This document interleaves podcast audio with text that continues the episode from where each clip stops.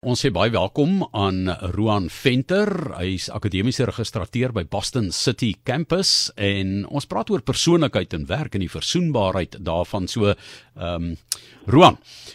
Hallo. Ja. Ja, ja ehm um, hoe weet jy jy's in die regte of verkeerde beroep vir jou persoonlikheid? Man, ek dink dit is dis heel eenvoudig. As 'n mens verveel raak of jy voel nutteloos of jy voel sommer net dat ja dan nou niks meer groei vir jou is nie jy het nie meer talent nie. Dan dink ek kan 'n mens maar sê die rooi ligte is is aan die skyn. En veral as 'n mens fokus verloor op jou op jou toekoms of op jou loopbaan wat jy bou um, om dit jy meer uh, aantrek nie dan dink ek is jy is jy definitief op die afdraande pad. So persoonlikheid sê jy in jou beroepskeuse is belangrik. Jy moet jouself ken Ja, nou, definitief. Ek dink nie dit is die enigste ding nie. Ek dink ons almal gaan maar deur die lewe en ons het so nou en dan 'n ding of twee wat gebeur wat dan um, dat mense uitkyk op die lewe uh, verander. Ehm um, of dit 'n misdaad is of jy weet 'n mens gaan deur 'n traumatiese ervaring dan verander mense uitsig op die lewe. Jy kan self vir jou indink jou jou jong man se lewe byvoorbeeld waar jy kinders het nie, en dan hoe jou lewe verander en jou um, prioriteite verander. Saam met jou persoonlikheid ook, miskien so 'n bietjie kalmeer as jy byvoorbeeld kinders het in in 'n huwelik. Dan verander jou oogpunt en jou uitkyk op die wêreld heeltemal. Jy moet 'n seiljag om die wêreld vaar en jy wil graag dit doen, maar nou jy 'n vrou by, nou jy kinders, nou is daar skool, nou is al daai goede, dan gaan dit natuurlik 'n verskil maak. Maar deel 'n bietjie met ons die tipe persoonlikhede vir bypassende beroepe. En ek dink daar's natuurlik die groot twee wat 'n mens na kan kyk. Jy kry die ek, ekstrem uh, ekstrem ehm um, persoon wat uh, introvert is wat by homself leef in homself en nie noodwendig ehm um, baie kommunikasievaardighede het in 'n groep nie en dan kry jy natuurlik die uitbandige, die vriendelike ekstrovert en hy pas baie maklik in 'n groepomgewing in. Maar Ehm um, wat ek sal sê is daar is nie 'n definitiewe skeiding tussen die twee nie want daar's altyd hierdie mediaan wat 'n mens in die middel het wat rondskuif jy 'n bietjie meer van die een of bietjie meer van die ander of in sekere gevalle as jy goed gebalanseer is jy sê maar introvert stilte tye nodig het uh, rustige diep konsentrasie werk kan doen as 'n introvert en dan meer bemarkingstipe en adverteringsveld en miskien selfs in jou beroep in die uitsaai wese wees as 'n ekstrovert. Maar ehm um, ja, ek dink dit dit speel 'n groot rol in jou jou belangstellings in die lewe en hoe jy die die werksplek gaan gaan ehm um, ervaar en hoe jy jouself voluit daar gaan uitleef. As jy as, hang maar af Ja, ek ek, ek vat gou 'n voorbeeld, sê maar nou iemand soos professor Johan de Villiers, hy's wiskundige gee en so maar hy het 'n ongelooflike liefde vir musiek, so sy Stokperdjie was toe om die universiteitskoor te dirigeer en die Libertas koor te dirigeer. So dit gebeur ook baie keer dat jy uiting gee aan jou persoonlikheid, nie net in die werkie maar ook aan die stokperdjies of belangstelling wat daarmee gepaard gaan. Nou uh, sê vir ons, wat is die beste maniere om te verseker dat daardie versoenbaarheid van beroep en persoonlikheid wel plaasvind? Is daar so iets? Ja, en ja, definitief so iets. Ek dink dit kom regtig van 'n mens se jonkwees af Ehm um, waar jy op skool is, ek dink 'n groot groot tekortkoming op hierdie stadium in ons skoolomgewing is waar die die die leerling nie noodwendig genoeg blootstelling kry aan verskillende aktiwiteite, stokperdjies, dinge wat hulle uh, interesseer nie. Ek dink hulle leef so verskriklik op hierdie sosiale media byvoorbeeld en ons raak al meer betrokke as dit is ons vrye tyd en besteding is om op sosiale media uh, rond te val. En dan ook op op skool self waar daar meer diversiteit van van beroepe moet bespreek word met studente. En dan ding waarna jy belangstel daai daai goedes wat vir jou sê ek is ek jy weet ek hou daarvan om modeltreine te bou of ek hou daarvan om vliegtye dop te hou of wat dit ook al mag wees in die natuur voels kyk daai tipe van ervarings bou jou persoonlikheid op. En dit is die goed wat jy kalm en rustig van maak wat jy geniet. En dit moet vir jou eintlik 'n baie sterk leiding gee in die rigting waarin jy regtig gaan belangstel. Want Dis nie goed wat jou interesseer. Nou hoekom gaan jy dan 'n werk gaan doen wat noodwendig totaal en al verskillend gaan wees van wat jou persoonlikheid ehm um, meer is jy na te druk.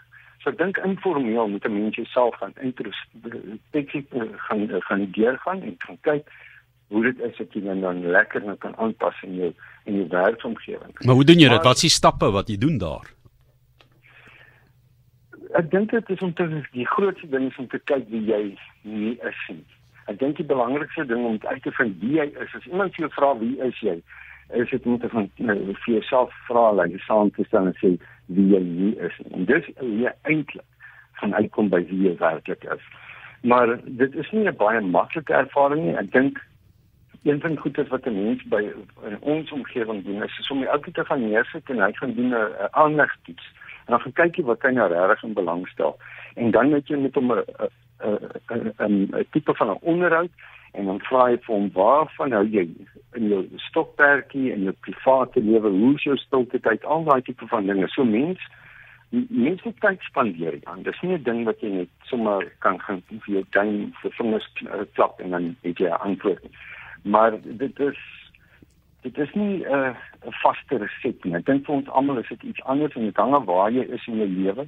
As jy nou 20 is of jy nou 40 is of jy nou 60 is, ek dink die antwoord is nie 'n regte soos jy Engels van sê straightforward. Mm -hmm. Maar daar is hulpmiddels soos jy sê aanlegtoetse, psigometriese toetse, sulke tipe dinge is beskikbaar wat jou dalk net kan help in daai besluit. So ten slotte, ons gesels nou met Roan Venter en Roan is akademiese registrateur by Boston City Campus. Ons praat oor persoonlikheid en werk, Roan, maar ehm um, jou persoonlikheid en jou toekomstige beroep. Ehm um, jy weet jy, jy sit in in in in graad 5 sê ek wil dit doen, in graad 7 wil jy dat doen, in graad 9 en dan as jy in 11 en dan as jy uit die skool uit en dan uh, doen jy tersiêre opleiding of nie. Ehm um, hoe hoe beïnvloed dit jou toekomstige jou persoonlikheid jou toekomstige beroepskeuse en beroep? Johan weet jy as ek vir jou moet sê um, ek dink dit is omtrent 90000 ure wat jy in jou normale lewensloopbaan by die werk gaan spandeer. So dit is nog 'n relatiewe groot klomp um, en dan as jy ook gaan kyk byvoorbeeld na um, 41% van mense voel hy stagneer in die werkplek Dit beteken jy moet regtig waar jouself goed gaan voorberei. Gaan gaan kyk regtig na wat is dit wat jy wil doen. Gaan as, as jy sê jy wil 'n prokureur word of 'n advokaat, gaan kyk hoe lyk dit in die werkplek. As jy nou jouself nou nie kan voorstel om in argiewe te sit en regsboeke die hele dag te lees en dan jou indruk van die werksplek is is die hele dag in die hof staan, belangrik lyk en en um, maklik sake oplos en 'n groot klomp geld daarvoor kry aan die einde van die dag of jy 'n rekeningkundige en jy word 'n 'n CA en jy nou al hierdie rekeningkundige dinge maar uh, jy is eintlik regtig daarvoor aangeneem. Dit lyk my net aantreklik maar vir die verkeerde redes.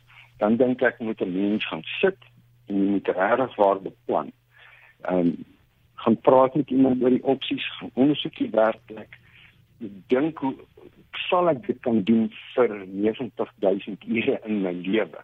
Of is dit iets wat ek dalk moet um, gaan studeer op die lang duur wat ek miskien eerder ehm um, nie 'n loopbaan wil hê maar verskillende loopbane. Iets studeer wat nie net gefokus op een ding nie ehm um, sodat jy dan 'n bietjie opsies in die lewe het. Ons is so geneig om onsself in universiteit in te skryf en ons sien partykeer tot 50% van studente na die eerste semester val uit die bus uit. Hmm. Want hy het nie hy het gaan studeer wat hy gedink het dit is. En dan is die ander ding ook ons studeer so maklik kursusse wat ons in 'n hoek indruk en dan het ons net een opsie. Ek sê altyd vir studente moenie lui wees en vat 'n ekstra vak. Daai derde vak wat jy dalk neem is nou nie vir graaddoeleindes nie, maar dit gee jou darm 'n bietjie 'n ander insig. Vat filosofie saam met ekonomie en bestuurswetenskappe. Dit gee vir jou 'n ander insig in die lewe. Ehm um, sosiale wetenskappe byvoorbeeld is mense sê maar dit is nie 'n professionele professionele rigting nie. Wat se werk gaan jy daarmee doen? Dit is juist die die sosiale wetenskappe wat die mens in werkplek raak sien. En die die mense van die wat met die sakrekenaar sit en begrotings uitwerk hulle kyk na die getalle. So daar's altyd ietsie wat 'n mens moet gaan sê. Is ek goed met mense?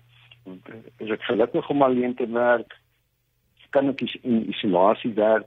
Is ek gemaklik in 'n groep en dan om te gaan kyk na wat die, die werk nou uiteindelik sal wees wat jy gaan doen. Roan, ek sê vir jou baie dankie. Ek dink baie mense jy weet gaan te lank aan met 'n beroep, dan kom jy by 45 gaan tree jy af van daai beroep jy, jy wil nie meer insit, jy wil net maar net deur die dag kom en jou salarisie kry. Jy weet, en deurgaan is belangrik dat jy jou belangstelling behou en die moderne neiging is dan hierdie ehm um, multiloopbaan eintlik lewens wat mense deesdae lei. Maar ek sê vir jou baie dankie net vir die prikkels wat jy vir ons gegee het. Sterkte vir julle by Boston City Campus. Dit was Roan Venter.